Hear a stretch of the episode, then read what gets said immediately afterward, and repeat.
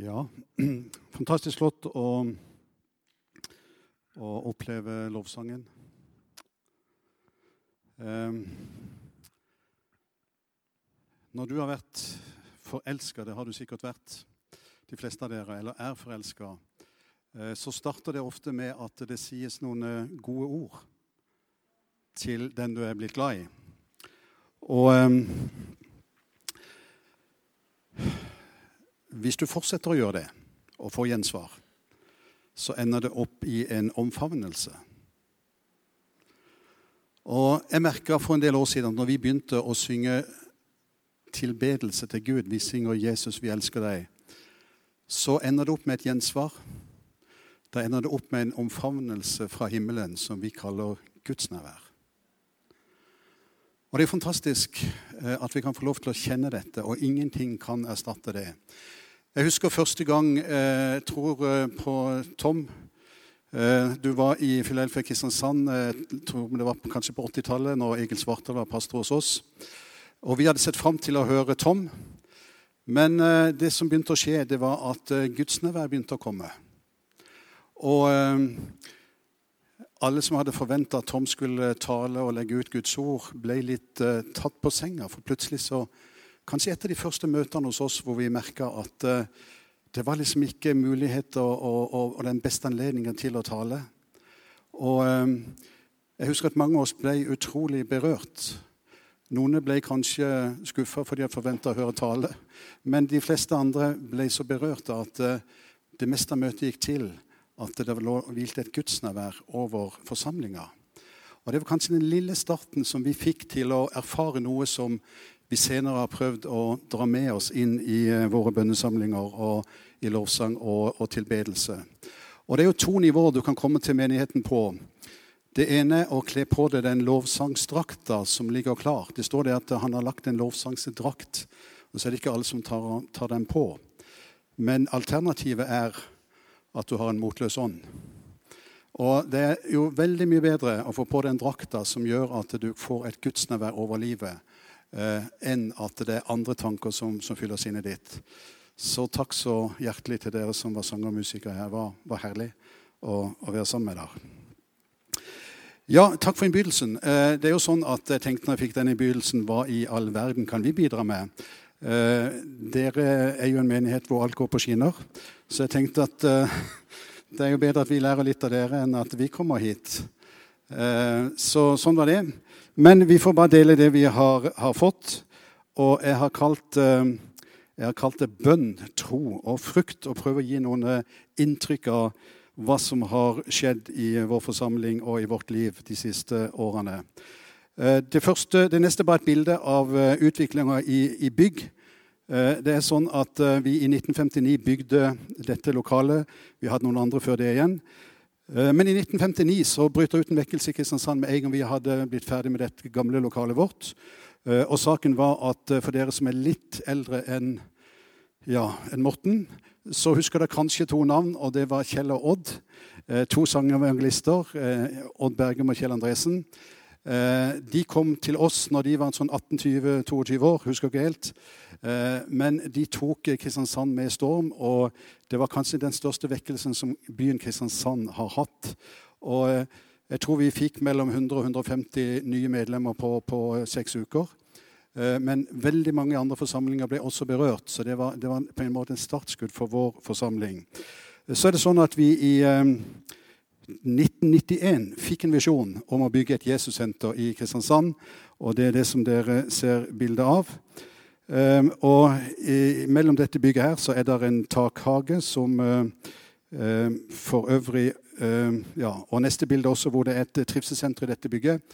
Jeg bare lyst til å si at Bodil, min kone, driver dette senteret med 80 forskjellige personer som bor i dette bygget, og som har sin daglige tilværelse i dette trivselssenteret, som er blitt en veldig god sak for mange folk som har vært ensomme, bodd i flotte leiligheter rundt forbi Kristiansand.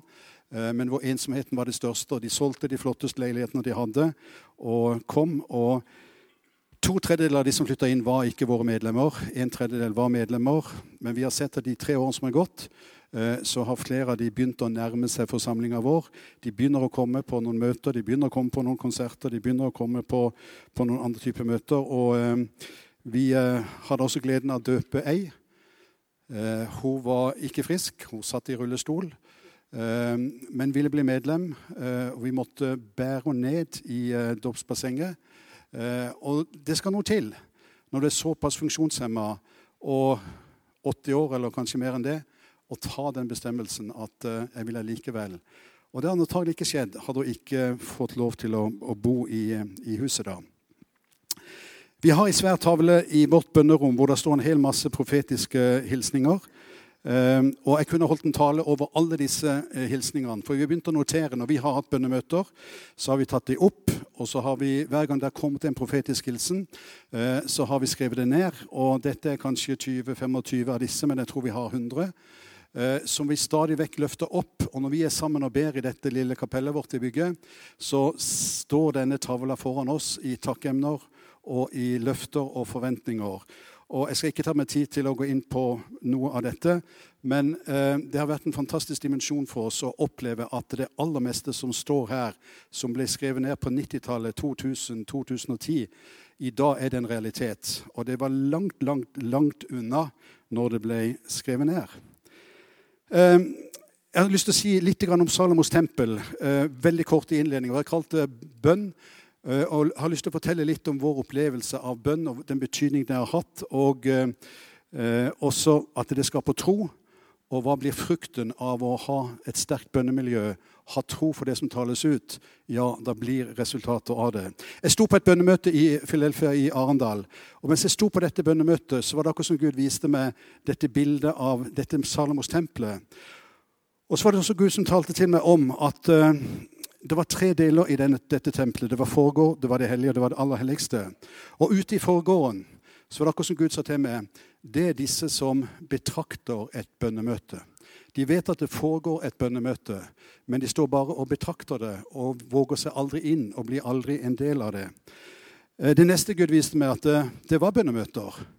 Og det var prestene gjorde sin tjeneste i, eh, i det hellige.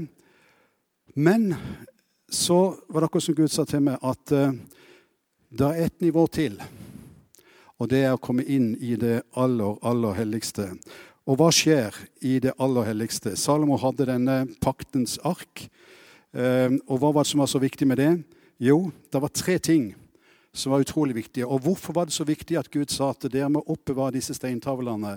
Dere må oppbevare denne krukka med manna, og du må oppbevare Arons stav. Hva skulle det være symbolet på? Og så står det i, eh, i Bibelen at eh, der, fra nådestolen mellom begge kirubene, som er på vitnesbyrdets ark, der vil jeg tale med deg om alt det jeg vil pålegge deg, osv. Og, det var akkurat som Herren sa, når du kommer inn i det aller helligste, i gudsnærværet, det er der Gud begynner å tale for alvor. Og Jeg har lyst til å si for min egen del at jeg har opplevd utrolig mange ganger at Herren har talt til meg, spesielt når jeg leser Guds ord. Og det å ha den åpenbaringa når du får Guds ord, er jo en fantastisk dimensjon. Um, og jeg pleier å si at uh, eh, 80% av de gangene jeg får noe, og det jeg vil kalle en åpenbaring, en tiltale, en profetisk hilsen, det får jeg når jeg er enten på et bønnemøte eller hjemme i mitt lønnkammer, eller når jeg aktivt på en måte søker Gud. 20% får jeg når jeg kjører bilen eller et eller annet. Men jeg bare vet at det er akkurat som ei sånn trakt som, som åpner seg opp.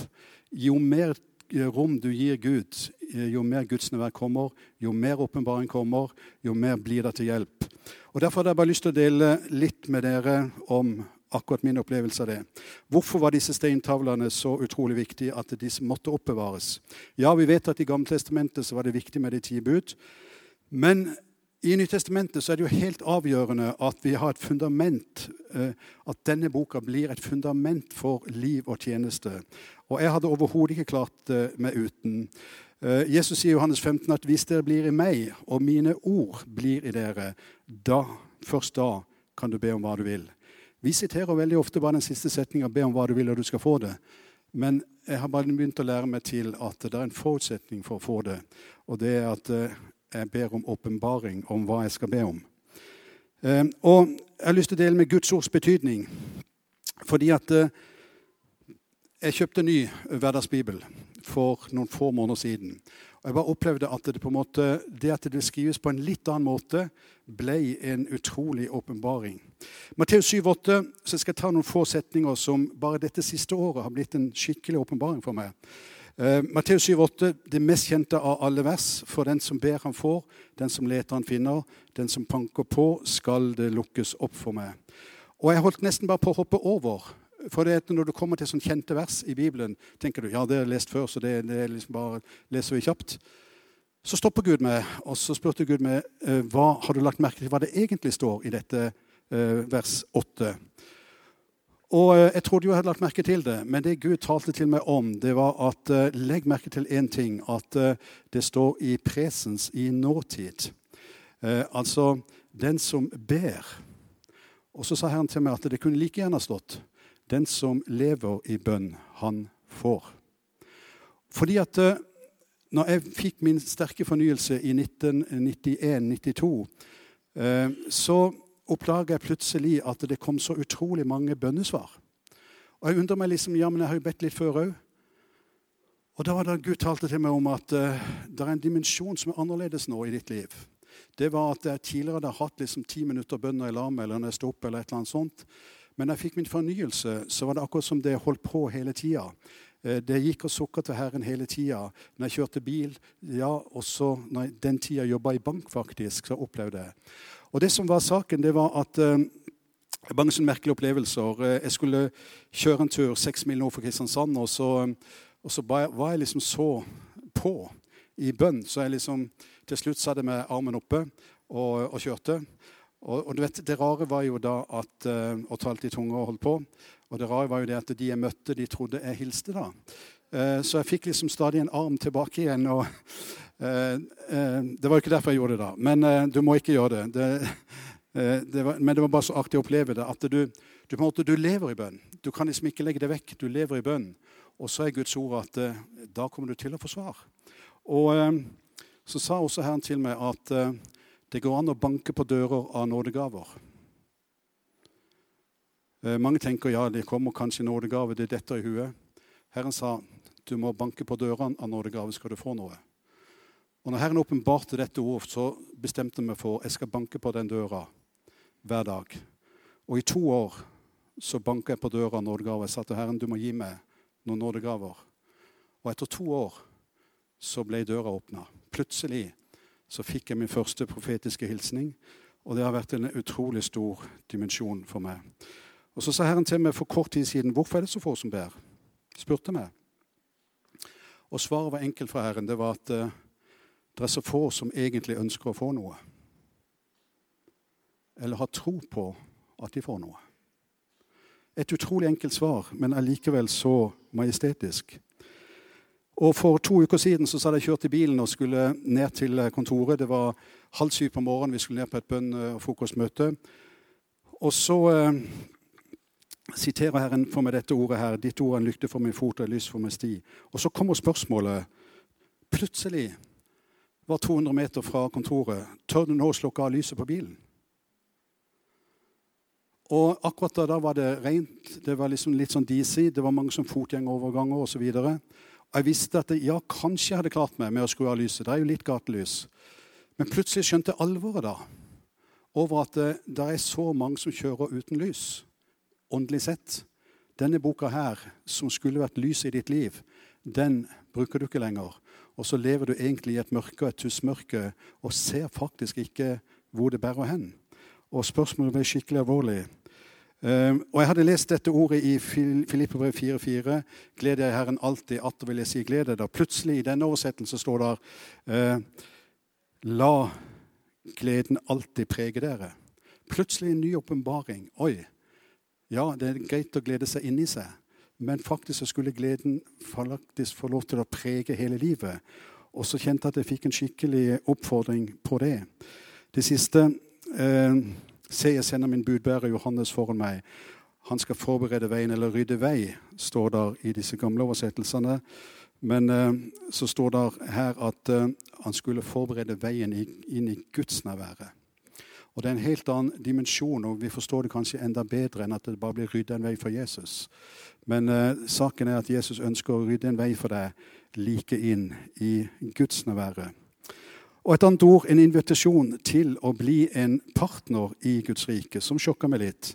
For jeg hadde jo lest disse lignelsene om talentene i Matteus 25 flere ganger. Plutselig så jeg at uh, svaret fra Jesus var at du tok ansvar for det du fikk. Nå vil jeg gi deg ansvar for mye. Fra nå av skal du være partner. Og plutselig så ble hele Guds rike, på en måte menighetslivet, en annen dimensjon for meg. Jeg tenkte at eh, ja, jeg er ikke bare en tjener i Guds rike, men det å bli en partner er faktisk litt annet. Jeg jobba 27 år i bank. Helt på slutten av den perioden der, når jeg var 42 år Jeg slutta når jeg var 43. Eh, så ble jeg plutselig valgt inn i eh, hovedstyret i Sparebanken Sør, som det nå heter. Og det var litt annerledes å være en ansatt i banken enn plutselig å bli valgt inn i, um, i, hovedstyret der. Plutselig måtte jeg begynne å tenke på en annen måte. Jeg følte meg som en partner i banken. Jeg kunne ikke liksom bare tenke på uh, kundenes beste på en måte, mitt beste. Uh, men plutselig måtte jeg liksom løfte meg over og tenke liksom, hva gagner totalen i dette.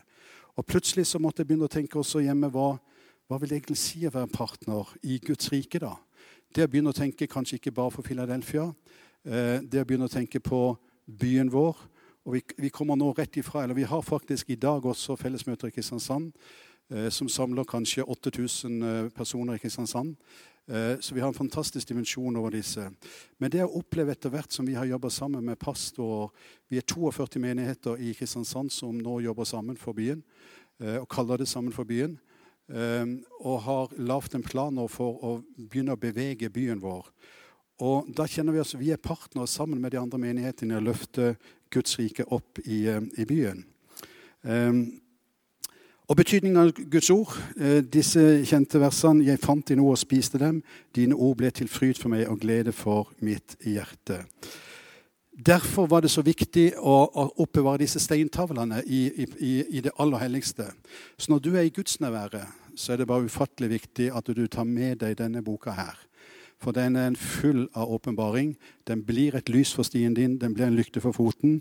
Og Derfor var det så viktig for, i, eh, for Gud at Moses skulle ordne denne pakkskista. Men det andre som var viktig, det var manna. Um, Se, jeg vil la det regne brød til dere fra himmelen. Hver dag skal folket gå ut og sanke en dagsrasjon, ca. 2,5 liter. Og Det for min del betydde at eh, Herren sørger for forsyninger der det ikke er forsyninger. Eh, et sterkt bilde for at vi ikke skal bekymre oss for morgendagen. Og Jeg har hatt utrolig mange opplevelser. Som mange der kanskje leste i avisene, så har vi en krevende tid økonomisk. Vi har en fantastisk god tid som menighet. Eh, og opplever kanskje den sterkeste tida vi noen gang har hatt. Eh, samtidig, på den andre skåla, så opplever jeg kanskje den mest krevende tida økonomisk. Eh, fordi at det begynner å løpe avdrag osv. på lånene som vi har, og en del andre ting. Men givertjenesten går opp, så det er ikke derfor. Men jeg sto på et bønnemøte for ett år siden.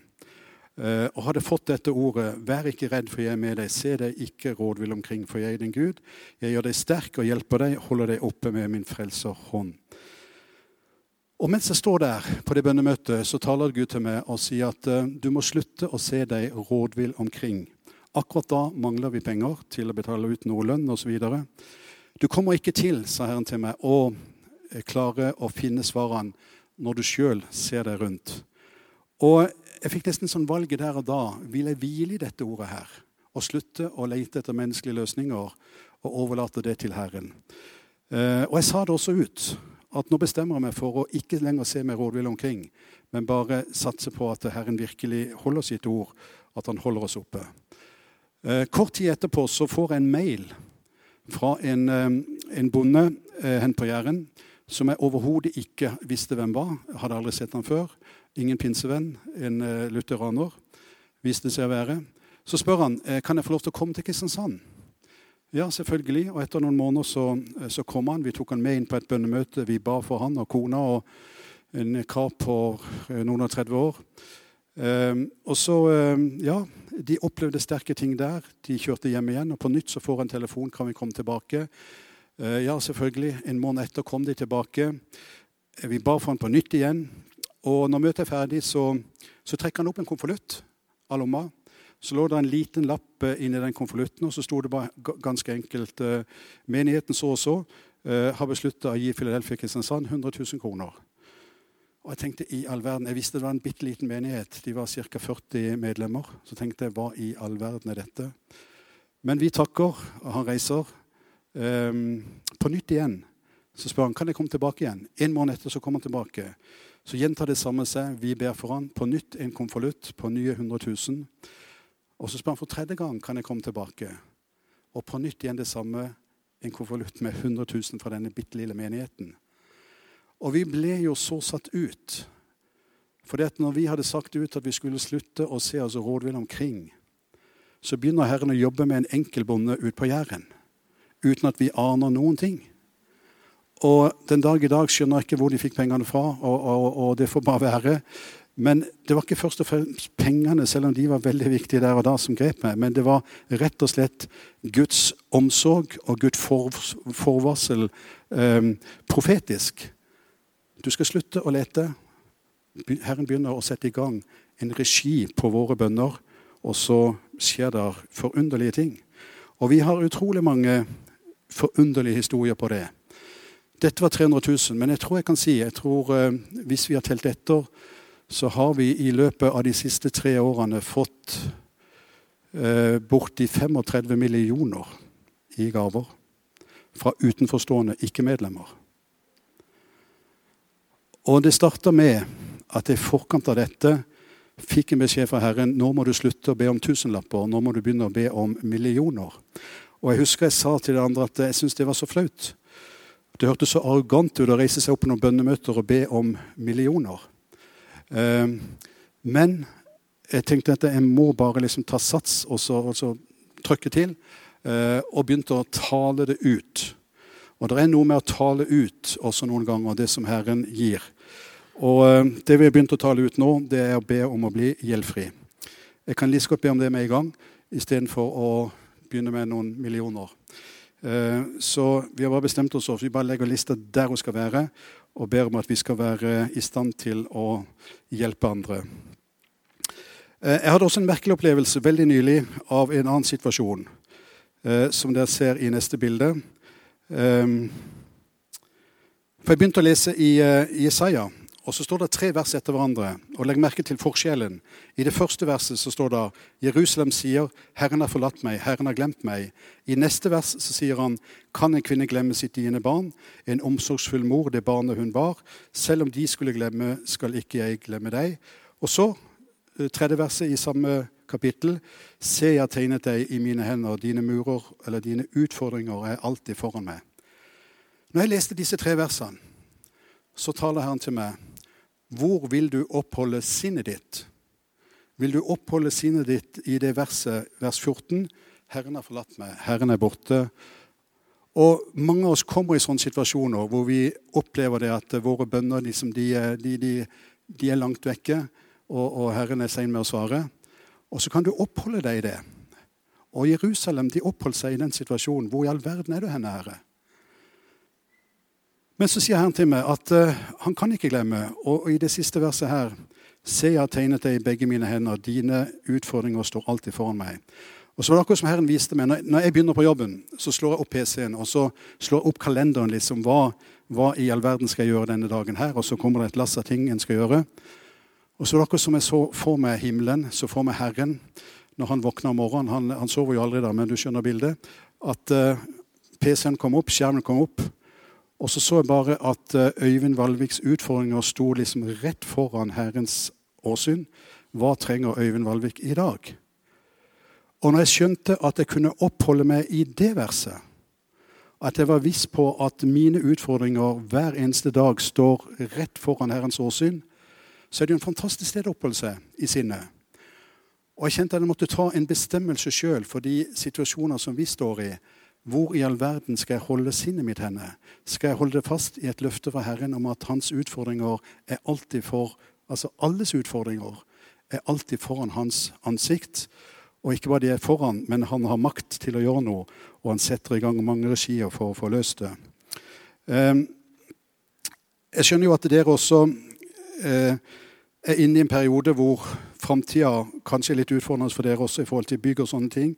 Eh, og jeg skal bare vise kort eh, Abraham, som også er så på en måte et slags bilde av. For når det at du har en visjon, så er det akkurat som denne pila som på en måte går overalt. Men innimellom den reisa som vi alle har, både privat osv., så, videre, eh, så er det utfordringer. Det er fjell som reiser seg. Og min opplevelse av dette det var at disse fjellkjedene de varierer. Noen ganger er du veldig langt unna den visjonen. Du bare vet at han, han ligger langt der oppe. Vi hadde en visjon om å bygge et Jesussenter i 1991 uten å ha ei krone å bygge for. Uh, og det var liksom et voldsomt fjell for å komme opp til å låne 600 millioner. Uh, og så var det akkurat som denne beretningen om Abraham ble vist. fordi at uh, det var en lang, lang visjon for, for Abraham. Men innimellom her så får han liksom bare disse korte beskjedene. Dra ut. Eh, du skal bli far til mange barn. Og du vet, når Abraham var 70 år, så får han et nytt navn. Eh, far til mange barn. Jeg har mange ganger tenkt på at eh, de neste 30 årene, når Abraham skulle presentere seg, møtte nye folk, så var liksom hans 'Hvem heter du?' 'Jo, jeg heter far til mange barn.' 'Ja, hvor mange har du da?' 'Nei, jeg har ingen.' Ikke sant? Dette måtte han si i 30 år. Visjonen lå langt der oppe. Han visste at det skulle skje. Men situasjonen, den reelle situasjonen var at det var en dyp dal i forhold til eh, hans reelle situasjon og opplevelsene. Og ikke minst når han måtte ofre etter å ha alle disse årene har, ha, ha, levd i tro, så får han til slutt dette eh, påbudet om å ofre Isak. Og så vet vi i dag selvfølgelig, når vi ser oss tilbake, at når Gud sa at han skulle bli far til mange barn, så bodde han i millioner i Jerusalem i dag. Men den tida der var det milevis unna den reelle situasjonen. Så jeg hadde bare lyst til å dele med dere også at uh, har dere ting som dere har fått ifra Herren, så er det uh, Hold fast ved den visjonen, for den kommer til å ende der Gud vil. Det er mange krumspring, og mange ting kan skje. Uh, vi har hatt utrolig mange opplevelser. Den hellige ånd vil fortelle oss om de kommende ting. Og jeg har sagt at det går an å ha Og jeg hadde en sterk opplevelse av eh, en opplevelse på et bønnemøte hos oss. Eh, saken var at, eh, som jeg sa, jeg får ofte noen profetiske hilsninger når vi er i bønnemøtene. Det er akkurat som Guds ånd på en måte hviler over det på en spesiell måte. Og eh, så sa Herren til meg at eh, det er en her inne som har økonomiske problemer. Og så var det akkurat som Gud løfta meg opp, og så så jeg en labyrint. Og så så en mann som sto i midten av denne labyrinten og ikke, eh, ikke fant ut da, fant ikke veien ut fordi de økonomiske problemene var uløselige for han. Um, og så um, sier Herren at uh, du skal se til han at Den hellige ånd skal være som en GPS i livet hans på økonomi. Og så satt jeg lenge liksom og kjempa med Herren. Kan jeg liksom stå opp og si at uh, Den hellige ånd, er du her som har økonomiske problemer, så skal Den hellige ånd være som en GPS? Så jeg satt lenge liksom tenkt tør jeg å si det. Men saken var at uh, klok av skade. Jeg har vært ulydig en del ganger, så jeg bare visste det er så dumt. Eh, så jeg måtte bare være lydig. Jeg reiste meg opp og sa det sånn som jeg sa til dere nå. Det er alltid flere i forsamlinger som har økonomiske utfordringer, så det kom fram eh, fire, fem, seks stykker. Men jeg visste med en gang hvem det var. Eh, jeg tok han til side, eh, spurte han hva, hva er problemet ditt. Dette var en tidligere rusmisbruker Eh, hadde blitt frelst for ikke lenge siden, men alt var på en måte et kaos i økonomi. Og det verste var at han hadde en, en, en, en regning eller et krav fra Nav på 80 000 som han skulle, skulle møte dette problemet dagen etter. Dette var en onsdag. På torsdag klokka ni skulle han til Nav og prøve å få løst denne situasjonen. Men han hadde ingen penger å betale, så han grudde seg veldig til hvordan dette skulle gå. da. Eh, men han går ned på torsdag morgen klokka ni til kontoret. Eh, blir ekspedert av ei som sitter foran i skranka der, og hun begynner å jobbe med saken. Eh, plutselig så kommer det en sjef som går bak denne skranka og sier sånn uten noen forklaring at 'jeg skal prate med denne karen som står her'. Og Jeg vet ikke om de kjente hverandre, har ikke peiling. Men saken er at han ble løfta inn på kontoret til denne sjefen. Han sitter en halvtime og blar på PC-en frem og tilbake, opp og ned. Eh, etter en halvtime så sier han du, eh, beklager, vi, eh, vi, har gjort en feil med deg, sa han. Du skylder oss ikke 8000, men det er vi som skylder deg 80 000. Og du kan bare tenke deg det smilet Han banka på døra mi en time etterpå. Jeg har aldri sett en lykkeligere mann som går fra en håpløs situasjon på onsdag på bønnemøtet inn til et mirakel på Nav klokka ni. Og Derfor er det så viktig på en måte å være i en dimensjon og i en situasjon hvor du tillater at Den hellige ånd gir noen innspill i, eh, i, livet ditt. Og Vi har holdt oss til dette ordet om at vi skal ha rikelig til all god gjerning. 2. Korinterbrev 9,11. Vi ber om at vi ikke skal lenger ha behov av få hjelp, men at vi skal være til hjelp. Og jeg tror det kommer. Arons stav det var en dimensjon av at eh, det var en salvelse som hvilte over eh, eh, de som Gud hadde utvalgt. Si til israelitten at de skal gi deg tolv staver, en stav for hver stamme. Du skal få én stav fra hver stammehøvding og skrive navnet hans på staven. Da skal den spire og gro staven som tilhører den mannen jeg velger. Så får jeg vel fred med den murringen israelittene stadig plager dere med. Hvorfor var det viktig at det der inne i det aller helligste så var det et symbol på Arons stav?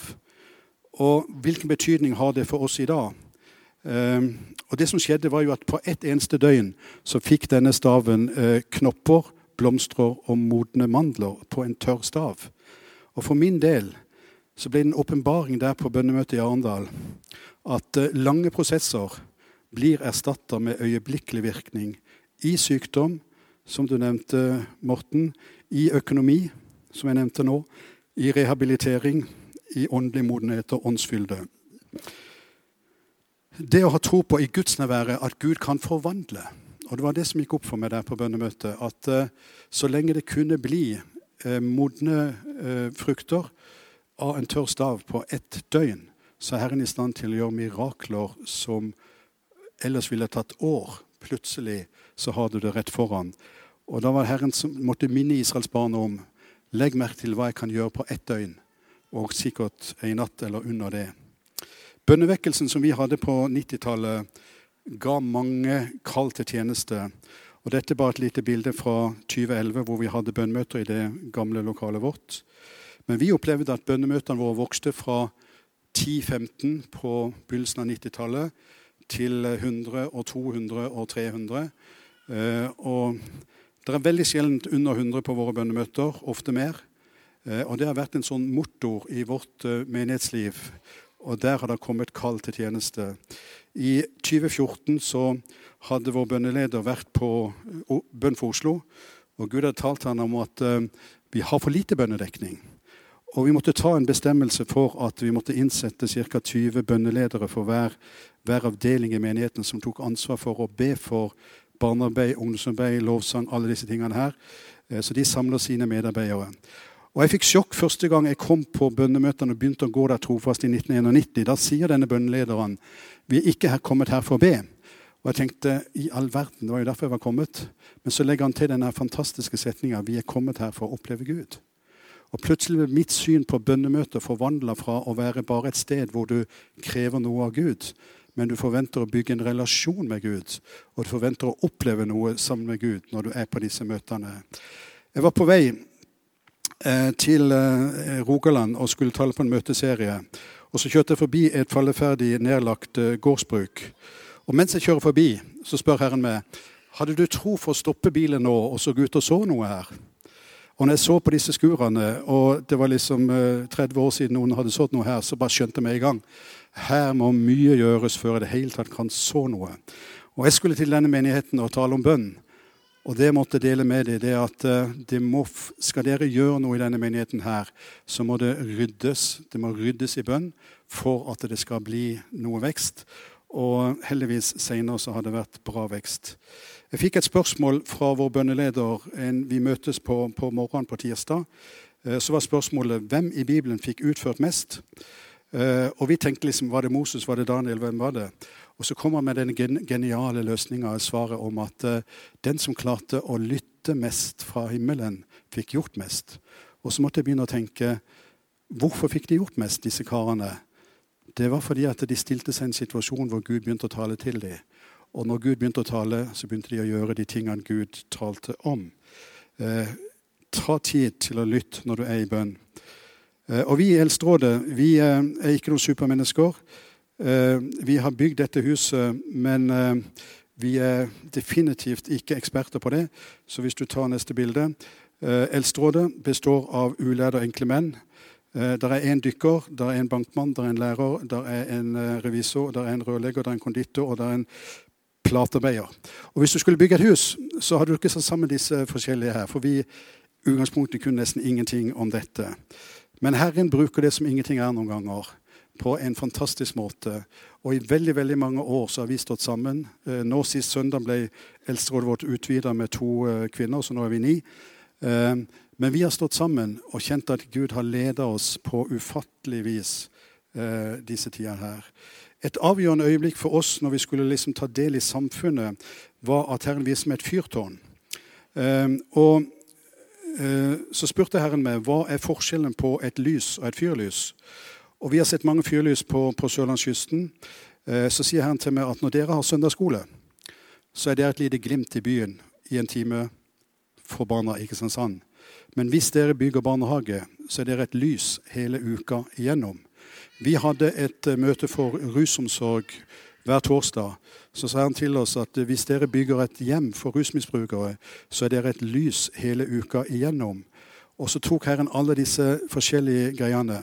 Så det vi har prøvd på de siste 20 årene, eh, det er å ikke bare være dette lille glimtet i byen når de få ganger vi er sammen, men å være det konstant. Derfor har vi tatt til i store barnehager, nå faktisk utover hele landet. Derfor har vi sendt ut alle talene våre utover hele landet på Radio 316, på Visjon Norge. Eh, derfor har vi starta med mange skoler eh, for å være dette lyset. Og Det var en sånn åpenbaring for meg. For Min første drøm var jo å bygge en menighet eh, hvor det skulle være kø på døra, full sal. Så skjønte jeg bare han sa at du må være et lys i nasjonen. Du må være et lys utover møtesalen. Og når vi skulle bygge, så tenkte vi ja, det er en vei til målet, en rett strekning. Jeg har bare lyst til å si at Hvis dere skal bygge, så får dere den samme runda som oss. Eh, en utrolig kronglete vei til et bygg. Jeg tror ikke du unngår det, Morten. Eh, du må bare stålsette deg på at det blir mange oppturer og mange nedturer. Men at har Herren sagt det, så, så, når du målet. For det står at uh, uten tro så er det umulig å være til glede for Gud. Uh, i en annen oversettelse står det uten tro så er det umulig å bevege seg eller operere i den åndelige verden. Et, eh, et, et, mektig ord. Uten tro er det umulig å operere i den åndelige verden. Du kan operere i den menneskelige, men ikke den åndelige. Jeg skal gå mot slutten. Eh, bare si kort at eh, eh vi har bygd et hjem for rusmisbrukere. Som vi nå senere nå har bygd om. Vi skulle selge dette. En lang historie, jeg har ikke tid til å fortelle den, men på et underlig vis så har vi nå eh, fire hus faktisk i byen. Og vi fikk en påminnelse om dette to måneder før flyktningkrisa kom. Da var det en pastor hos oss som sa at vi er nødt til å ha fire hus som tar imot flyktninger. Og i dag bor det 20 stort sett syriske flyktninger i disse bygningene her. Jeg vil også bare si at eh, når jeg sa at vi skulle snakke om bønn og tro, eh, så jeg fikk jeg en mektig opplevelse på en ferietur vi var i Frankrike. Jeg var ute og jogga. Eh, selv om dere ikke tror at jeg jogger, så gjorde jeg det da. Eh, jeg gjør ikke det så mye nå, som dere ser. Men eh, hadde, det var en sånn sterk opplevelse at jeg måtte slutte å løpe. Jeg måtte sette meg ned, for jeg skjønte hva Herren ville si meg nå. Og så drar han en undervisning gjennom hele, hele troskapitlet, brevbrevet 11.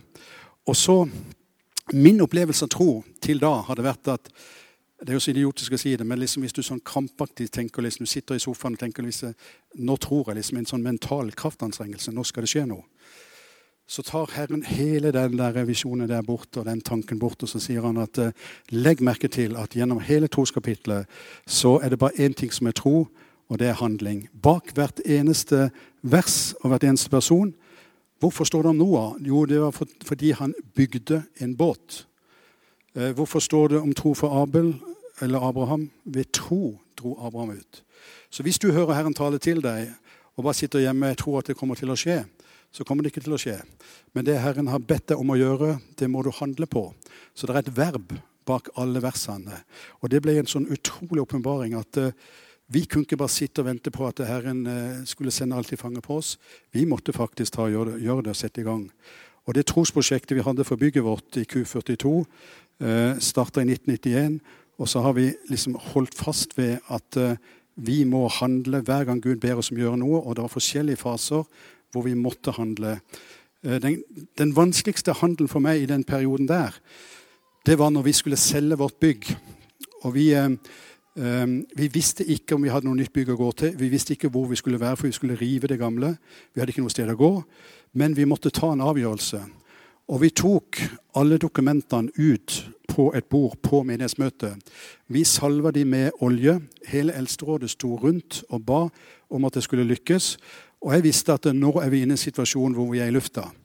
Jeg visste at, uh, hadde en opplevelse av at uh, på alle rullebaner så er det en sånt uh, punkt The point of no return. altså Når flyet har begynt å bevege seg, så, så, kan de stoppe på et eller annet tidspunkt. Men når du kommer over det, så gir de gass. Og Jeg hadde just vært i en situasjon hvor dattera mi skulle hjem fra Frankrike. Og på flyplassen i Nis, hvor flyet hadde begynt å ta av, så kom det fugler inn i motoren. Og på et løp av et brøkdel av sekund så måtte piloten bestemme skal jeg bremse eller skal jeg fortsette. Eh, og så var han akkurat på det punktet hvor han kunne bremse, og så bare satt han bremsene i bånn. Og de sklei bortover hele rullebanen og, og, liksom fikk akkurat stoppa. Så jeg hadde den opplevelsen veldig klart i huet når vi skrev under disse papirene om at vi solgte eh, på en måte tomta vår og la det i hendene på noen entreprenører og visste at eh, nå er vi i lufta. Vi er passert det, det punktet point of no return. Som dere kanskje også må gjøre da, den dagen det er slutt, hvis det er slutt her i Kulturhuset. Eh, og Jeg visste at eh, vi er i lufta. Jeg vet ikke om vi kommer til å lande. Og så fikk vi en profeti på toppen av det hele nå nylig, når det begynte å bli krevende, at eh, den flyturen vi var på, var en intens, turbulent flytur med voldsom, øh, øh, voldsom trykk, voldsom tåke.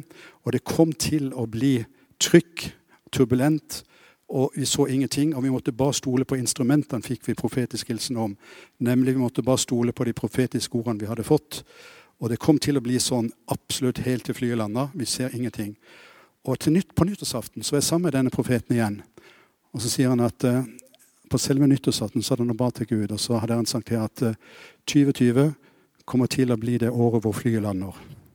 Så jeg er veldig spent på det året vi er inne i nå, for dette det er turbulent. Men et løfte nå om at flyet lander. Og Det aller siste bildet jeg skal vise der, skal jeg love å slutte.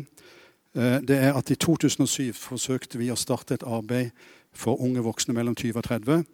Og I 2007 så, så det veldig spinkelt ut. Men når jeg kom på møte en søndag kveld, og det var lovsangsfest, og lokalet var fullt, 1000 ungdommer, kanskje mer, som sto med hendene oppe og sang, da var jeg utrolig takknemlig for at vi hadde våget den reisa vi hadde våget. Vi kunne ha stått på nesten stedet hvil og tenkte at det ble for vanskelig for oss. Men gang etter gang så har vi sett at uh, hele salen vår er full av ungdommer. Uh, nesten annenhver søndag kveld uh, som bare står og priser Herren. Og så ble jeg så utrolig takknemlig når jeg så det. Utrolig takknemlig for at mitt eldste barn, barnebarn satt og spilte piano en av disse kveldene. Og så tenkte jeg ja, det har vært mye strev, det har vært mye nattevåker, det har vært mye bønner, mye slit, mye mirakler, med mye prøvelser. Men frukten av å leve i bønn, frukten av å ha tro, det er at det da blir resultater av det. Og i dag er vi utrolig takknemlige at vi kunne samle denne uka som ligger bak, 8000 i Kristiansand, til møter, til lovsang. Det har vært utrolig sterkt å være med på. Så jeg takker deg, Herre, for at uh, du er en Gud som virkelig ser våre behov. Takker deg, Herre, for uh, den veien som du har ledet oss. Takker deg, Herre, for alle disse ulike typer erfaringer du har gitt oss. Men jeg har også lyst til å be deg, Herre, for denne forsamlinga her i Sandvika. At de i tida framover skal få lov til å oppleve at du virkelig taler fra himmelen. At du skal være her fortsatt med ditt sterke nærvær. At mennesker skal bli så berørt og så forvandla i dette nærværet at de velger å gå disse litt vanskelige, litt, litt kronglete veiene av og til. Men jeg ber om at de skal få skikkelig god erfaring på at du er en Gud som hører bønn. Du er en Gud som har makt til å gjøre langt utover det vi fatter og forstår og ber deg om. La dette året bli det beste året i denne menighetens historie. La det begynne å bli kø på døra her, Herre. At det er en lengsel som du har. La de få lov til å oppleve at de kan bevege seg ut, Herre, i Sandvika, på Østlandet, hvor det bor så ufattelig mange mennesker. At de kan være med og bygge opp ditt Guds rike på ulike plattformer. Gi mennesker her en skikkelig visjon, en skikkelig tanke, en skikkelig trykk, Herre, på at det haster fordi du kommer snart igjen. Og vi ser at denne verden, den den eh, kommer til og går til grunn. Og vi ser at eh, Ditt rike ble presset fra alle kanter. Men la oss få lov til å være en motvekt mot alt dette. La oss få lov til å skjønne og forstå at det reiser seg. La oss få lov til å skjønne at på samme Daniel, som kunne forvandle hele Babels rike til et nytt rike hvor de skulle frykte deg, hvor Josef i det totalt hedenske Egypt fikk mulighet til å forvandle hele landet og ble den øverste i, ditt rike. Så vi priser Herre for at ingenting er umulig for deg. La oss få lov til å hvile i den vissheten, og la ditt nærvær hvile over denne forsamlinga i Jesu navn. Amen.